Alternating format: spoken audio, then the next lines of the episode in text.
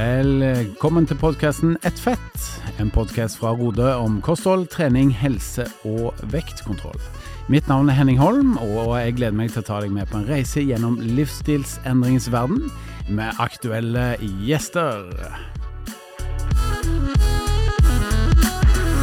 Hjertelig velkommen tilbake til podkasten Ett fett. Vi er på plass og gleder oss til å ja, drodle og snakke og reflektere rundt et nytt tema. Og dagens tema det er godtestopp. Men før vi kommer dit, når vi har sånn type tema, så må vi jo snakke litt om godteri. Bare, ikke bare om livet uten godteri, for de som har lyst til å teste det. Um, hva er favorittgodteriet ditt, uh, unge herr Laustad? Ja, men først må vi jo si hvem er vi, Henning? Ja, det begynner det er jo ikke å bli Det åpenbart jo åpenbart Halvor, siden dere hører den triste nordnorske stemmen. Ja, det er Henning, det er Halvor, og det er Kalorine, som vi kaller deg, eller Karoline. Kalorine. Hei, hei. Yes. Spørsmålet var hva liker eh, vi av godteri? Ja, vi skal jo snakke om Ja, godtestopp i dag. Det er dagens tema. Vi må bable litt eh, først om selve godteriet. Hva er det vi liker? Eh, hva er favorittgodteriet ditt, Halvor? Og før vi, du svarer på det, så vil jeg gjerne høre hva var favorittgodteriet ditt som liten? For det er jo mye sånn Når jeg snakker om godteri, så får jeg sånn barndomsminner. Gjør du det?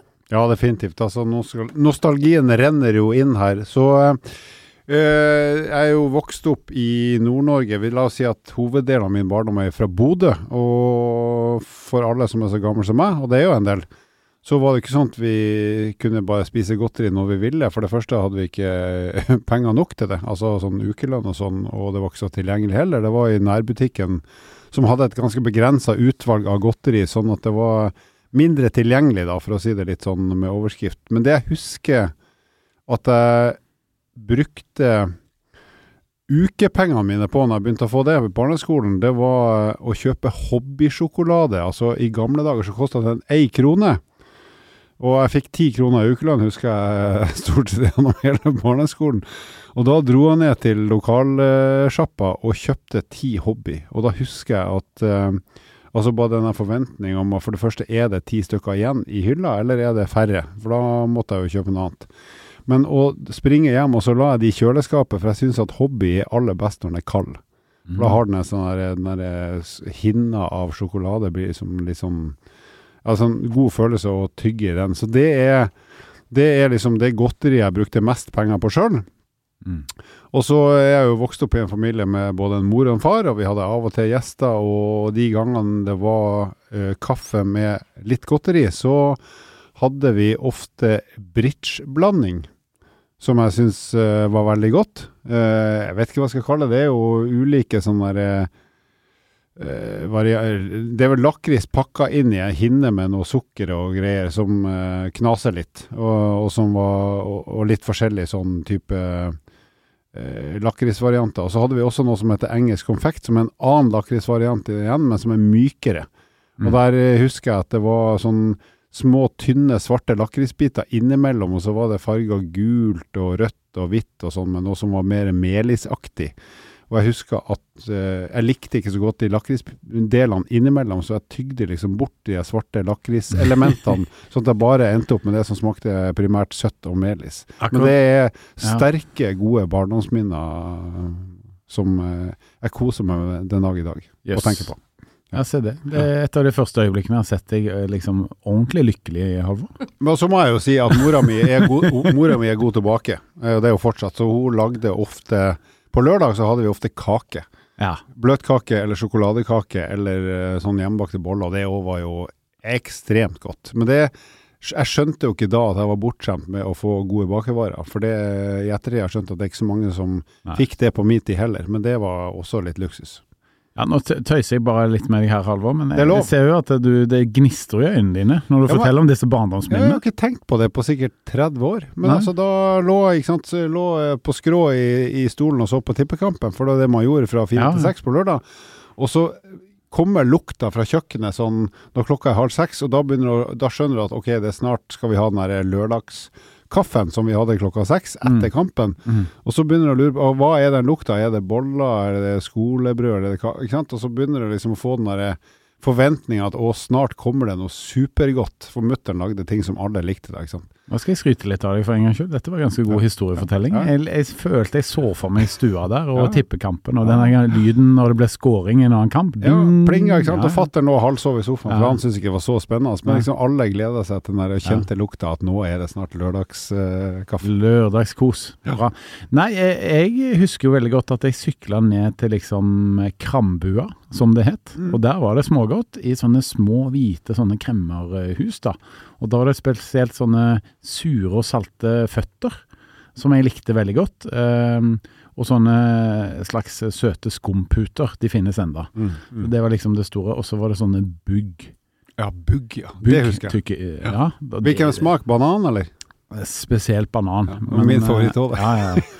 Så det var bare helt, helt nydelig, altså. Og så liker jeg veldig godt eh, sjokolade. Det må jeg bare innrømme. Det gjør jeg da, det gjør jeg nå, og helst at den er kald. Men jeg er ganske plain på sjokoladesmak. Det skal gjerne være melkesjokolade eller firkløver, altså. Så ikke for mye sånne blandingssmaker, rett og slett. Hva med deg, Karoline? Du har hatt en barndom du òg, har du ikke det? Jeg har faktisk hatt en barndom, jeg òg. Jeg har bare lyst til å si en ting før jeg skal si hva jeg koste meg med som barn. Og det er et bilde jeg ofte viser når jeg holder foredrag, av da denne kremmerhusposen som du snakker om, som rommer 100 gram godteri. Det var det vi fylte godteri smågodt med i gamle dager. Den får man eh, basically kun eh, på Norsk Folkemuseum nå. Eh, men i dag får vi jo da smågodtposer som rommer eh, tre kilo godteri. Så det er jo Eller blant, til og med bøtte. Eller til og med bøtter. Så dette er jo blant en av veldig mange årsaker til at uh, vi har blitt som vi har blitt. Ja, og vi skal vel huske på det òg, at det er Ja, det er ikke så dyrt å produsere mye godteri. Det er jo Sukker er ganske rimelig, og det er marginene for mange som selger godteri, det har viser seg å være ganske, ganske store.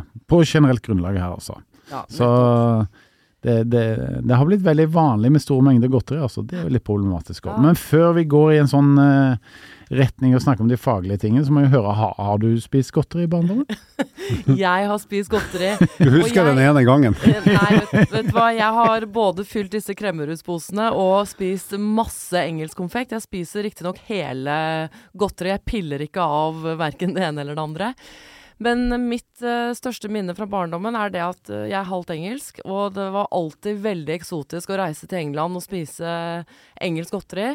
Du som er glad i melkesjokolade og sånn, eh, Henning, jeg vil ikke anbefale deg å gå løs på engelsk sjokolade. Den er veldig annerledes. Den er veldig søt. Cadburys chocolate.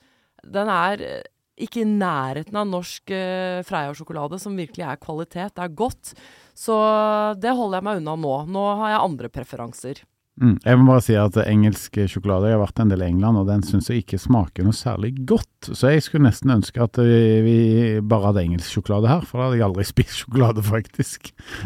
Men apropos det med du sier at smaker smaken forandrer seg ikke sant, eh, fra den engelske sjokoladen. Eh, Hvis vi skal si noe om hva vi liker nå også Mm. Hvis jeg, jeg blir jo veldig ivrig her, for jeg er glad i godteri. Ja, ja. Men nå er jo min største favoritt, sommerbasert, da, det er jo softis i beger.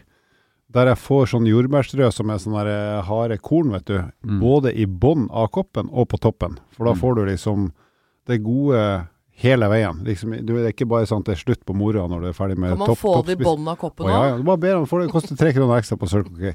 Mm. Da får du eh, dobbel dose med sånn eh, jordbærstrø. Så den er min klare nummer én, og så er, har jeg banansjokolade som jeg syns er helt hinsides godt. Sånn der eh, smågodt banansjokolade Mm. i kjøleskaptemperatur. Og så er jeg jo en potetgull-elsker, så der eh, Og hvilken chips er det da? Er det Sørlandschips, eller er det Kims? Eller kan hva? egentlig være hva som helst. Så skal jeg være helt ærlig, så er det den banale saltsmaken, altså. Ja. Så det må helst være veldig salt. Da er jeg så lykkelig at det Altså, er ikke bra. Dette er litt skummelt, for de to menneskene jeg bruker kanskje mest tid med nå eh, i livet mitt, det er jo Halvor, fordi vi, vi jobber sammen, og jobber ganske tett sammen, fordi at eh, kunnskapsområdene våre eh, overlapper veldig. Eh, og så er det Men de er veldig små. ja. Og så er det Line, kona mi. Så jeg skjønner jo nå, eh, hvis jeg skal være skikkelig ydmyk her, at det er et eller annet i psykologien min da som gjør at eh, jeg ja, tiltrekkes disse menneskene som jeg tilbringer så mye tid med. for det at dere to har akkurat det samme favorittgodteriet. Ja, Du er, du er heldig gift. Akkurat det samme. Det er softis med strø i bunnen og på toppen. Det er saltchips, og det er disse banan, banansjokoladene. Eh, I tillegg så jeg kjenner jo begge to ganske godt. Det er veldig strukturerte og liksom Ting er som de er, og det er svart og hvitt og det ene og det andre. Så jeg ser nok et mønster her at eh, Du trenger sånne som oss, Henning, Jeg det, for du er for utglidende. Ikke sant? I min kreative boble her. Bra. Men Hva med deg, Karoline? Du, jeg tuller litt med deg her, for du er jo så flink på dette med kosthold, og du er jo veldig flink òg i hverdagen til å spise sunt og variert, og du sklir vel ikke så mye på bananskall eller banansjokolader, som meg og Halvor gjør, for å si det Jeg sånn. har dårlig med banansjoko i kjøleskapet, og jeg lærte først nå at man kan få det der strøsselet nederst i koppen. Det har jeg aldri hørt om før. Det, Det, det må du prøve, Karin. jeg håper ikke barna mine hører på denne podkasten her, for da har vi introdusert noe nytt nå, tror jeg. Vet du hva, jeg har én uh, lidenskap. Uh, nå, nå ser dere veldig spent ut på meg begge Ja, jeg Hvis du sier langrenn, langrenn nå, så kaster vi det ut. Nei, vet du hva? Det er lakris. Jeg er veldig glad og svak for lakris. Og jeg har mitt eget Jeg, jeg gjemmer lakrisen hjemme, for jeg har en lakris som heter um, Walkers uh, lakris. Man kan kjøpe den i alle butikker. Mm. eh, som har sånn ett papir rundt eh, hver. Den må jeg gjemme, fordi jeg har barn som er glad i godteri også. Så var det da her for noen uker siden hvor sønnen min eh, kom opp, og så sa han 'Mamma, jeg har et problem'. Og så spurte jeg hva er det? Og da hadde han da tatt en sånn Walkers lakris, for han hadde funnet gjemmestedet mitt. Og så hadde han da tygget den så hardt at han hadde dratt ut hele tanna si. Oi, oi, oi. oi. Var det mye styr å finne ut om dette var en melketann eller voksentann eller hva det var. Det var heldigvis en melketann. Men så spurte jeg han etter dette her, da. Hva, OK, sønnen min, hva har du lært nå av dette her? Og så sa han de der Walkers lakrisene dine, de er jævlig harde. det var det han lærte av den episoden. Nei, men da har vi funnet ut at du, du har uh en liten guilty pleasure, du òg. Definitivt. Så vi skal bare stikke ut og så kjøpe litt eh, lakris til Karoline, og så er vi tilbake igjen etter den lille pausen her. Hei, dette er Henning fra podkasten Et fett. Visste du at Rode nå har lansert et medlemskap? Med medlemskapet så kan du gå ned i vekt, holde på vekten, eller rett og slett bare kontrollere at vekten ligger der han skal. Ja, nå reklamerte vi vel nesten litt for godteri, det var vel ikke det som var poenget, men jeg tror vel mange kan kjenne seg igjen i at eh, det er veldig mye godt å velge mellom, og det smaker veldig godt, disse sakene her. Ja, så er det jo helt fair å synes at godteri er godt. Det er jo laga for at det skal være godt, så det er ikke noen bomber Mm. er det. Men mm. apropos, det er jo ikke ba, altså, godteri kan brukes til noe mer enn bare å nyte. Sånn at fattern, når han hadde møter eh, før han ble pensjonist, så hadde han alltid godteskål med lakris eller karamell som han satte fram til møtedeltakere når han visste at det kom sånne som prata ofte for mye i møter. Så han satte fram den skåla tidlig, sånn at de skulle ta en sånn seig karamell, eh, for at de dermed skulle bli forhindra fra å snakke uavbrutt i mange, mange minutter. Så han fikk korta ned møtene sine ganske taktisk smart med særlig smørbukkaramell, for den er akkurat seig nok til at du ikke klarer å snakke uh, uhemma hvis du har en sånn i kjeften. Ja. Det er ganske Da vet du hvordan du skal få meg til å holde kjeft. Det var ikke derfor jeg skulle ut og kjøpe lakris, altså. Nei, sånn. Men vi skal prate om eh, det motsatte av å hive i seg godteri. Vi skal snakke om godtestopp eh, her i dag, vi. Eh, og det som jeg lurer litt på, da, eh, det er jo om godtestopp er en god måte å gå ned i vekt på. Eh, og så skjønner vi alle sammen at det, er jo det store regnestykket som gjelder, men det er jo et poeng allikevel, fordi at eh, veldig mange godterier, om ikke alle, eh, så de aller, aller fleste, kanskje 8-99% av de, er jo veldig energitette, som betyr at det er veldig mange kalorier da, per 100 gram i godteri. Så bare ved å kutte det ut, gir det liksom mulighet for å gå ned i vekt. Altså, man hører jo om folk som gjør dette her som en vektreduksjonsstrategi. Og det jeg kan si at det er jo ikke noe dokumentert metode, dette her. Det er ikke noe du kan lese om i forskningen som er en metode for å gå ned i vekt. Men det kan jo absolutt bidra til at man får i seg mindre kalorier i løpet av en dag hvis man spiser eh, mye godteri. Eh, men for mange så handler det jo om dette her å kutte ut alt sukker eh, som eh, jeg tenker kan bli litt eh, problematisk etter hvert. øh, selv om det bare er noe man gjør i en begrens, begrenset periode. Vi kommer kanskje litt inn på det etter hvert, men dette er jo noe veldig mange gjør med sine barn. Kjører sånn godtestopp eh, ett år. Eh, men tilbake da til det med vektreduksjon. Ja, noen velger dette som metode, ikke dokumentert metode for å gå ned i vekt. Men det må jo være eh, I hvert fall hvis du Jeg vil anta de aller fleste spiser godteri på kveldstid. For i hvert fall av voksne. Da snakker jeg ikke om unger som går innom butikken på hjem, men altså spiser når de liksom er ferdig med dagen. og Det er kanskje det siste måltidet i gåseøynene man har, når man er ferdig å spise ordentlig mat. Eh, meg sjøl inkludert. altså når jeg, når jeg spiser godteri, så er det jo på kvelden når jeg har landa i sofaen og bare skal seile ut kvelden. Så hvis man enten klarer å begrense La oss si at det skjer nesten hver dag, da, som jeg vil anta at veldig mange ender opp med å spise litt eller mye godteri hver dag. Hvis man da klarer å enten kutte det ut eller kraftig redusere det, så vil jeg jo tro at det vil være en smart måte å skape et energiunderskudd på, eller i hvert fall unngå å innta 4, 5, 6, 7, 8, 900 kalorier ekstra etter at du egentlig har gjennomført eller spist de måltidene du bør ha og trenger. Mm. Ja, det sier vel seg selv at eh, hvis du skal lykkes med å gå ned i vekt, så må du jo passe på antall kalorier. Det må være kalorirestriktivt. Og eh, hvis du da kutter ut godteri, som tross alt er en stor eh, drager, altså på å gi deg ekstra kalorier inn i dagen din, og det må jeg si hvis du bare eksempel ja, laster ned i vektappen vår og, og tracker det du faktisk spiser, så ser du det på det daglige regnestykket at det å spise godteri, det drar jo det da opp kaloriantallet ganske kraftig. Det gjør jo det. Og så da skal jeg Jeg skal ikke ned i vekt og sånn, men, men jeg har jo, jeg som mange andre, har, har spist ofte godteri nesten daglig i flere år på kveldstid. Eh, og så til de som tenker at ok, her er det en mulighet for meg til å enten kutte ned på mengden, eller kanskje kutte ned totalt, eller iallfall begrense antall dager man gjør det på. Hva kan man da erstatte det med? For som jeg, jeg snakka litt med Karoline om det her på privat basis. for jeg, jeg, jeg blir rett og slett uggen dagen etterpå, uh, har jeg jo merka. og så sover jeg dårlig når jeg spiser for mye godteri på kvelden. Så for min del så handler det litt om søvn og fungere bedre generelt. Så da er det jo lurt å kanskje erstatte det med noe annet. For det, sånn som når jeg sitter i sofaen, så syns jeg det er gøy å se på TV, men av en eller annen grunn så føler jeg at jeg må ha et eller annet å drikke på eller tygge på, bare for at jeg er vant til det. Sikkert på en dustevane, men eh, hva, hva kan man da erstatte eventuelt godteri med, hvis du tenk, vet at ok, jeg spiser for mye godteri om kvelden, det har jeg lyst til å slutte med, men kan jeg da innta noe annet som på en måte gjør i gåseøyne mindre skade, og likevel kan gi meg en slags tilfredsstillelse av at det er hyggelig å tygge eller spise?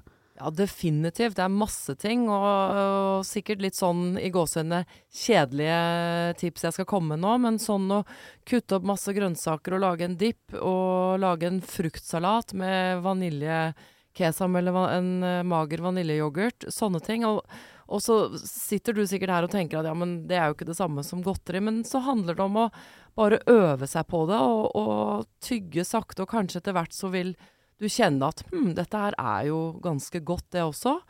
Eh, men så kan det også hende at du bare må i en periode gjøre noe helt annet enn å se på TV og spise noe annet. Kanskje du må gå ut og gjøre noe for å få vekk de tankene på det godteriet du har lyst på. Ja. Jeg har jo uh, Min løsning, da, det er jo uh, inspirert av både Go Low og, og, og deg. Det er jo å spise knekkebrød. Jeg har funnet et knekkebrødtype som jeg syns smaker ganske godt. Den har noe salt på seg som gjør at jeg får litt den der eh, saltbehovet mitt dekka som jeg ellers hadde fått av potetgull. Og så, eh, og så har jeg jo nå mitt evinnelige grønnsakprosjekt som ikke er briljant, men jeg har jo nå funnet ut at både paprika og agurk er ting jeg faktisk eh, som, set, som høyner verdien av, eller opplevelsen av maten.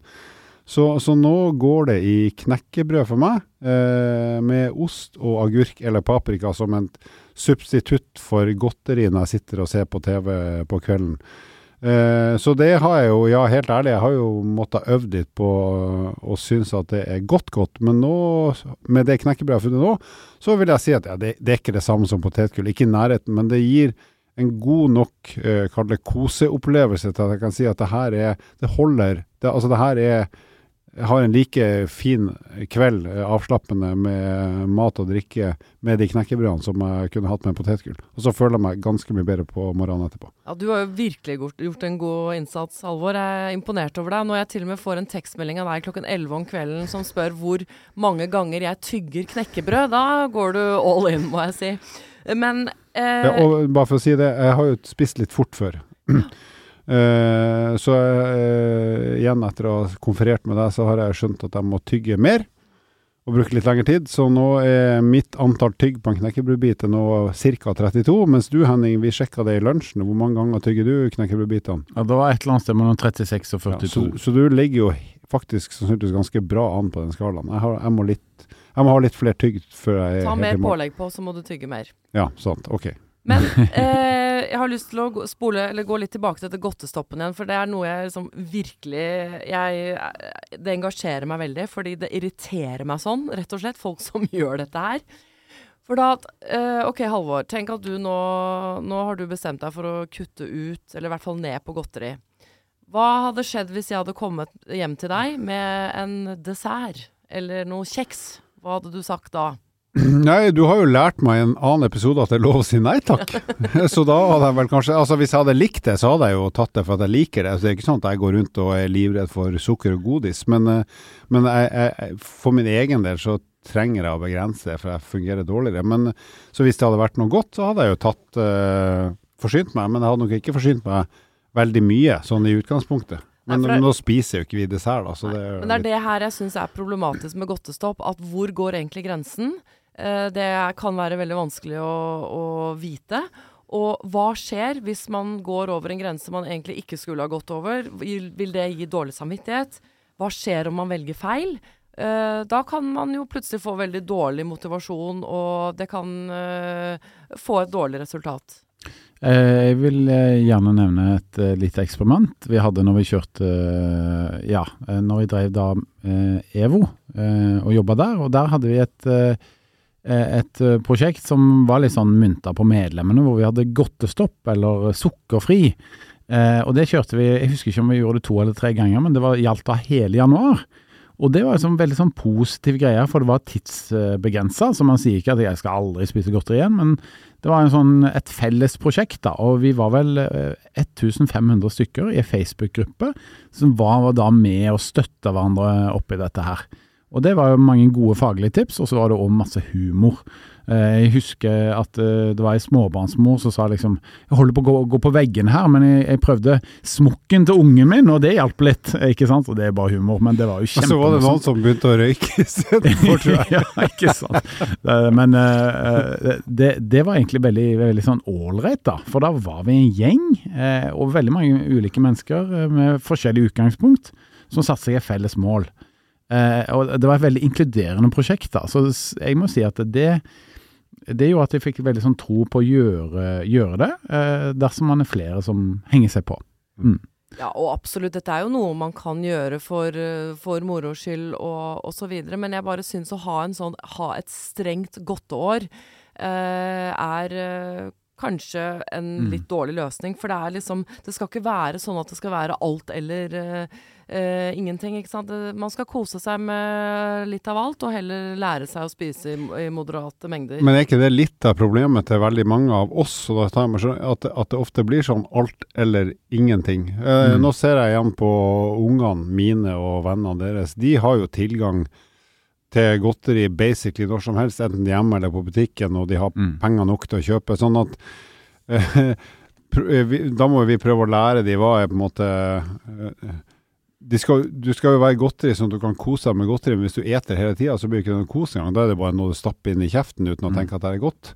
Så den der å finne balansen på hvordan skal du klare å formidle det i praksis og teori, det er nå én ting. Men så er det jo for meg sjøl òg. Ja, jeg kan, jo, jeg kan jo ganske mye om mat, uh, men jeg fungerer jo best sjøl der jeg er enten Jeg skal ikke si alt, men nesten ingenting. For det er ikke sånn at jeg ikke spiser godteri nå. Det gjør jeg, men jeg, jeg kan ta meg en eh, is på bensinstasjonen når jeg stopper Mm. der, f.eks. Eller jeg kan ta litt potetgull eh, på kvelden. jeg. Det er ikke det. Men primært nå så velger jeg å ikke gjøre det. Mm. Sånn at jeg heller kan være strukturert når jeg gjør det, og tenker at nei, vet du hva, i dag gidder jeg ikke noe knekkebrød, i dag tar jeg potetgull eller is, eh, og så skal jeg prøve for en gangs skyld, og ikke bare hive i meg alt som finnes i skuffen, men, men ha det i en mengde som gjør at jeg kan kose meg med det før jeg blir eh, eter så mye av det at jeg blir dårlig i morgen tidlig og på formiddagen. Men det der er liksom, jeg, jeg tror ganske mange er i den båsen som jeg er, at det fort blir alt eller ingenting, selv om det ikke burde vært det. Ja, og det er jo det som er litt dumt med dette her. Fordi jeg har jo møtt på flere mennesker som takker nei til godteri, men heller vil ha potetgull fordi de har godtestopp eller godteår eller whatever. Og så blir jeg litt sånn OK, men da skal du sitte og stappe i deg salt og masse mettet fett og sånn. OK, du får ikke i deg sukker, men hva, hva er det du egentlig ønsker å oppnå her? For hvis det er eh, et sunnere liv eller vektreduksjon, så oppnår du ikke det med å bytte ut eh, all godteri med potetgull eller annen usunn snacks. Det er litt sånn at det, det finnes jo eh, mennesker som er totalt avhengige av disse tingene. Og så hadde vi jo Mikael Andreassen på besøk her, som snakket om eh, alkohol, og at han, han kan ikke røre det. Er Altså, han er fortsatt alkoholiker, selv om han ikke har drukket på hva var det, tolv år, eller Ja, hva ja. det var. ikke sant? Eh, så jeg, jeg fikk litt sånn aha-opplevelse på dette her. Jeg var i Stjernehallen og så på hockeykamp. Jeg sto på stand for EVO når jeg jobba der, og så delte vi ut noen sånn eh, ja, sjokolade, eh, litt sånn snacks, eh, og gikk rundt og delte ut det med noen flyers. Og så møtte jeg på ei dame som, som sier hvorfor tilbyr du meg det? Jeg har gått ned 40 kilo. Og så kommer du her fra en treningskjede og tilbyr meg det. Det syns jeg er fryktelig provoserende.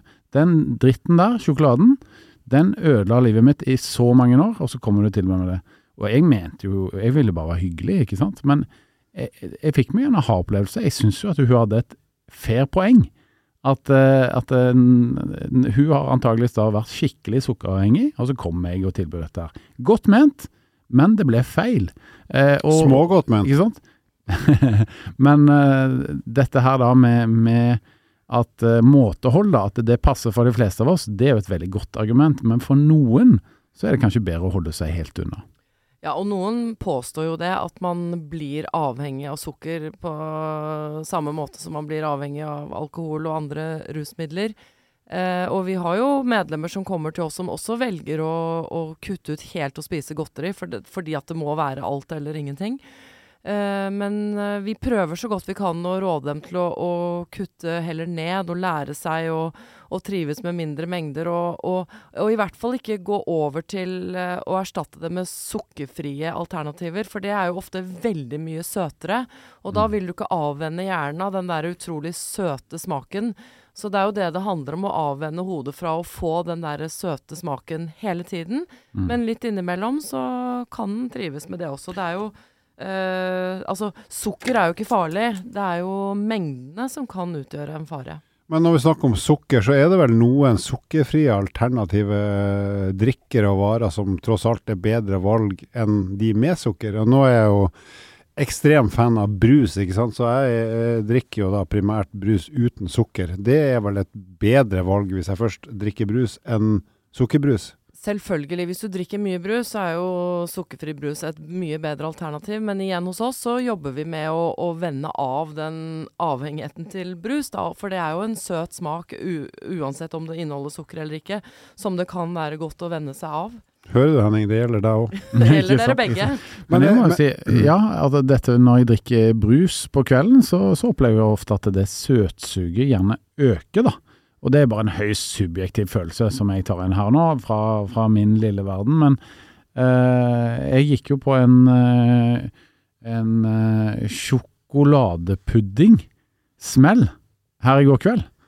Eh, og det var etter at jeg hadde drukket halvannet glass med Cola X. Et granprodukt som jeg syns er ekstremt godt, altså. Det Cola veldig X. godt. Ja. Ja. Sukkerfri cola. Og da kom det der søtsuget, altså. Og jeg er jo fullt bevisst på hva som skjer, men eh, jeg klarer jo å begrense smellen litt, da. Det, liksom, Var det, liksom, etter, det var på kvelden når du hadde, var ferdig med dagen? det, det var det. Så, så lå jeg i sofaen og koste meg, og så gikk jeg og henta sjokoladepudding med vaniljesaus. Men jeg tracka jo dette her inn i Rode-appen, da, nede i vektappen, og det, det, det begrensa seg til en smell på 401 kalorier. Det er innafor. Men skal jeg, skal jeg si en gang iblant, så er jo det innafor. Jeg tenker at det, det kan jo da øke motivasjonen din ikke sant? til å fortsette å spise sunt, som du jo er veldig flink til nå, Henning. Ikke sant? Men skal jeg lære dere en ting? Nå skal vi jo snakke om uh, søtsug i en annen episode. Men vet dere at søtsug, som da du opplevde i går kveld, ofte kan være at hjernen er tørst? At du egentlig er tørst? Det visste ikke jeg. Nei, tenk litt på det neste gang. Er du egentlig tørst? Mm. Eller må du ha noe søtt? Det er nok et veldig godt poeng, for jeg er jo veldig glad i kaffe. Så jeg drikker en del kaffe, og så er jeg ganske aktiv, så det er ikke alltid jeg er like flink til å drikke vann. Men da, da er selvfølgelig tipset å drikke vann, da. Altså prøve det først. Mm. Ja, ikke en cola. Det, Nei, nei, ok. Selv om du håper Men det eh, jeg nå spør jeg som den idioten jeg er, men jeg er jo også glad i sånn sjokoladedrikk. Da velger ofte den som har mindre sukker, rett og slett. For at eh, det er vel et bedre alternativ enn masse sukker, men den vil gi samme effekten som egentlig sukkerfri brus, da. Ja, og igjen, nå, det handler om å prøve heller å venne seg av den søte smaken. Men å, å, å drikke en sjokodrikk etter en treningsøkt f.eks. er jo et fint eh, påfyll. Men å drive med det hele tiden, da kan det jo fort bli for mye av det gode. At man får i seg for mye energi, og at man gjør seg selv litt avhengig av denne søte drikken. Ja. Da må jeg finne meg en eller annen te da, som jeg kan drikke, som smaker godt. Ja. Hadde ikke Ja, du en venn, Henning, som var blitt så glad i te? Jo da, og drakk det både her og der, så det, det kan være et godt tips. Både her og der. Mm. Hvor er der? Nei, det var jo bare ikke hjemme i sofaen, oh, ja, okay. men til og med ute på pub. Det var det som Ja, var stemmer det. Og, Ja, ja, Ja. han det. Riktig. Det kommer jeg ikke til å gjøre, altså. Men eh, hjemme iallfall. Ikke Du er sant. ikke så ofte på pub heller, da. Det er sant. Men tilbake igjen til godtestopp. Til puben, Ja. Jeg, jeg må jo si at jeg er jo en stor tilhenger av godtestopp. eh, fordi at eh, selv om jeg, jeg skjønner jo poenget ditt, Karoline, veldig godt. Altså hvis du klarer liksom å regulere dette her bra i hverdagen og gjøre deg sterk nok til å ta gode valg for deg selv i hverdagen, da er du på en måte rusta for resten av livet, da. Og godteri kommer til å være der som en fristelse, tross alt. Men de aller fleste som jeg har fulgt opp, de klarer ikke så mye av den balansen. Så det er liksom å, å gå helt ut av det og smake på hvordan livet er helt uten, det vil nok være veldig lærerikt, eh, det òg, da. Så det som jeg har eh, ofte sett, da, eh, når, eh, når det er kunder som jeg har hjulpet, da, eh, både med trening, men også med kosthold, det er at eh, hvor vi har innført noen sånne enkle regler på at eh, ok, de neste tre månedene så skal man ikke spise godteri, man skal ikke spise chips og ikke spise kake. Man skal òg gjerne ikke drikke alkohol på, på tre måneder. Så ser man at bare de tiltakene der fører til at man oppnår da et vekttap. Og det har jo litt med vanene som ligger til grunn før, at man gjerne spiser godteri mer eller mindre hver kveld fra, fra tidligere. Og det har jo gitt en ganske stor grad av suksess da, for, for den enkelte kunde. Ja, og jeg tror, som jeg sa innledningsvis, at det er mange som velger dette her som en metode, at det kan funke for mange. Det er mange trenger helt konkrete si, regler å forholde seg til. Det er litt sånn som vi har snakket om 16-8-fasting. Det der å ikke skulle spise etter klokka sju om kvelden. Det er noe helt konkret å forholde seg til. Det kan funke for noen. Men så er jeg da litt eh, redd for ja, hva skjer etter denne godtestoppen, ikke sant? Hva skjer når de begynner å spise godteri igjen? Hvordan går det da? Eh, og så er jeg spesielt imot godtestopp når det gjelder barn, da. Fordi at vi som foreldre må lære barna å få gode, sunne vaner som de tar med seg inn i, i voksenlivet. Og da skal, man Mm. ikke, da skal ikke godteri være fy, fy og nei, nei, ikke sant? For da kan de bli redde for uh, å spise det. Og jeg leste faktisk, jeg googlet godtestopp for um, ikke så lenge siden, og da var det i et forum uh, et innlegg da som vekket min interesse, med en kvinne som skrev at hun vokste opp med lite tilgang på godteri, eller hun hadde da godtestopp.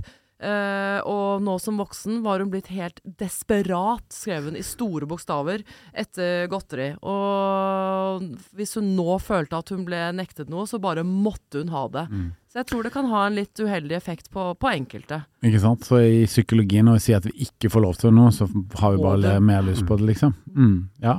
Nei, men det er jo et stort tema, og det er en høy grad av individualitet i dette her. At eh, vi opplever dette på litt ulike måter osv. Men, eh, men eh, i forhold til dette med Er det noen andre grep da, som folk kan gjøre for å få i seg færre kalorier?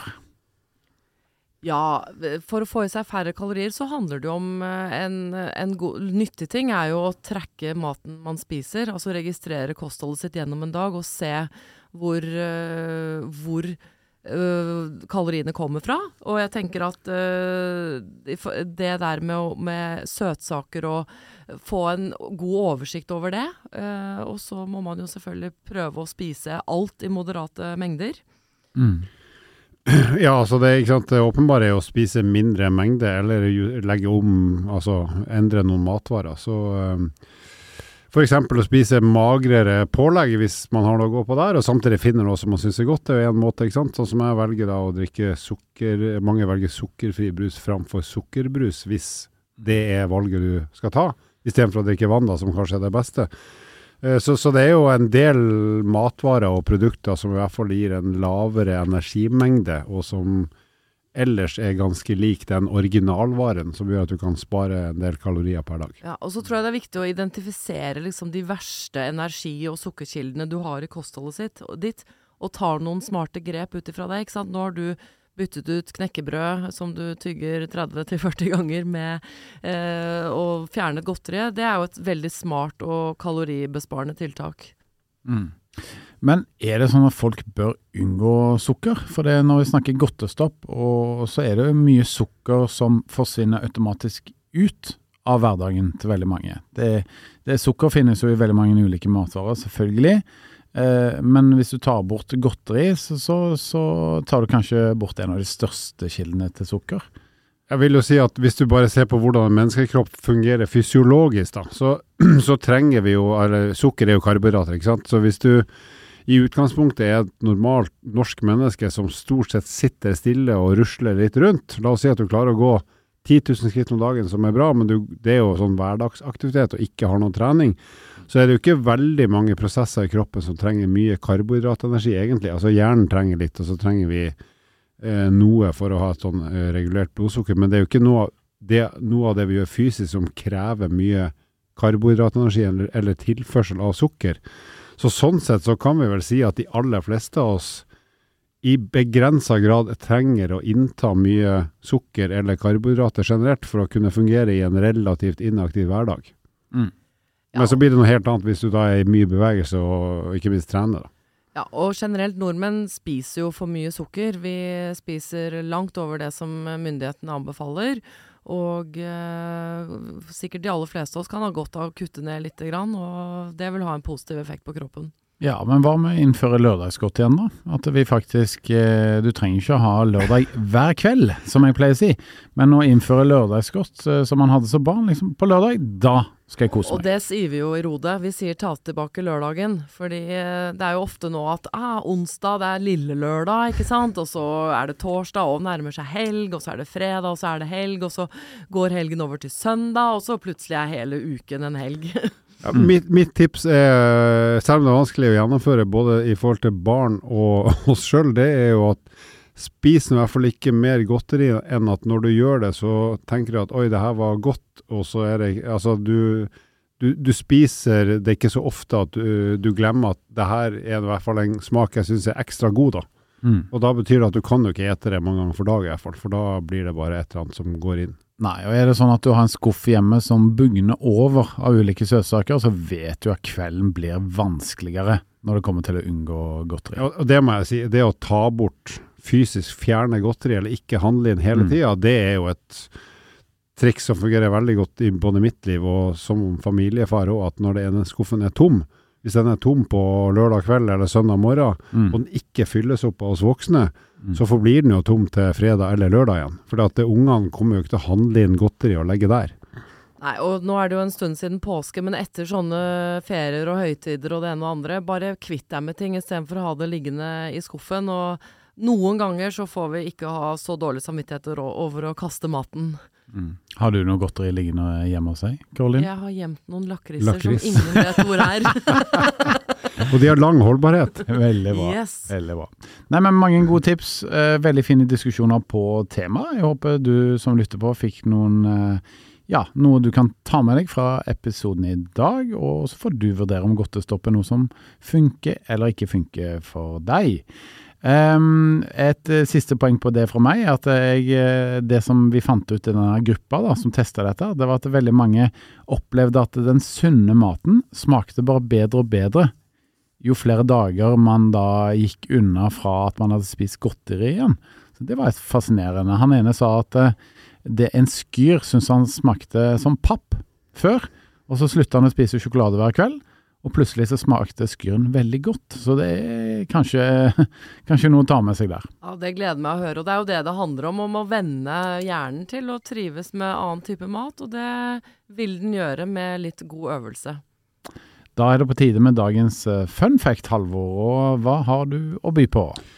Da skal jeg fortelle et, fakt, et, eh, et faktum om min eh, første kjærlighet som veldig liten gutt, nemlig Barbie-dukka. For jeg har jo to søstre som hadde, som hadde den derre dukka, eller dukken, som heter eller kalles Barbie.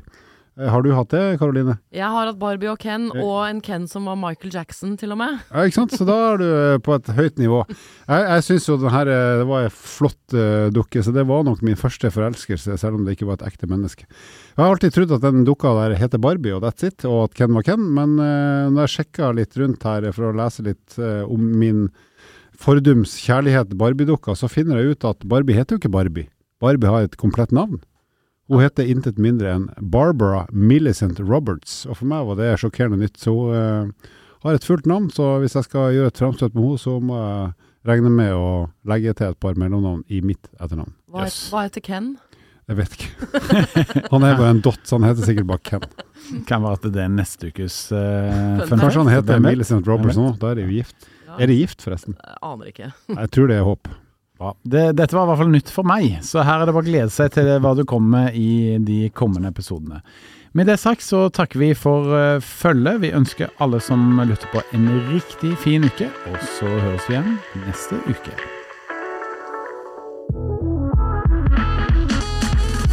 Takk for at du lytta på nok en episode med podkasten Ett fett. Dersom du er interessert i å lese mer om eh, livsstilsendring, gå inn på Rode-magasinet på rode.com. Vil du stille oss eh, spørsmål som vi kan diskutere i en episode, ikke vær redd for å sende inn på Facebook eller Instagram hos eh, Rode. Til neste gang, vi høres.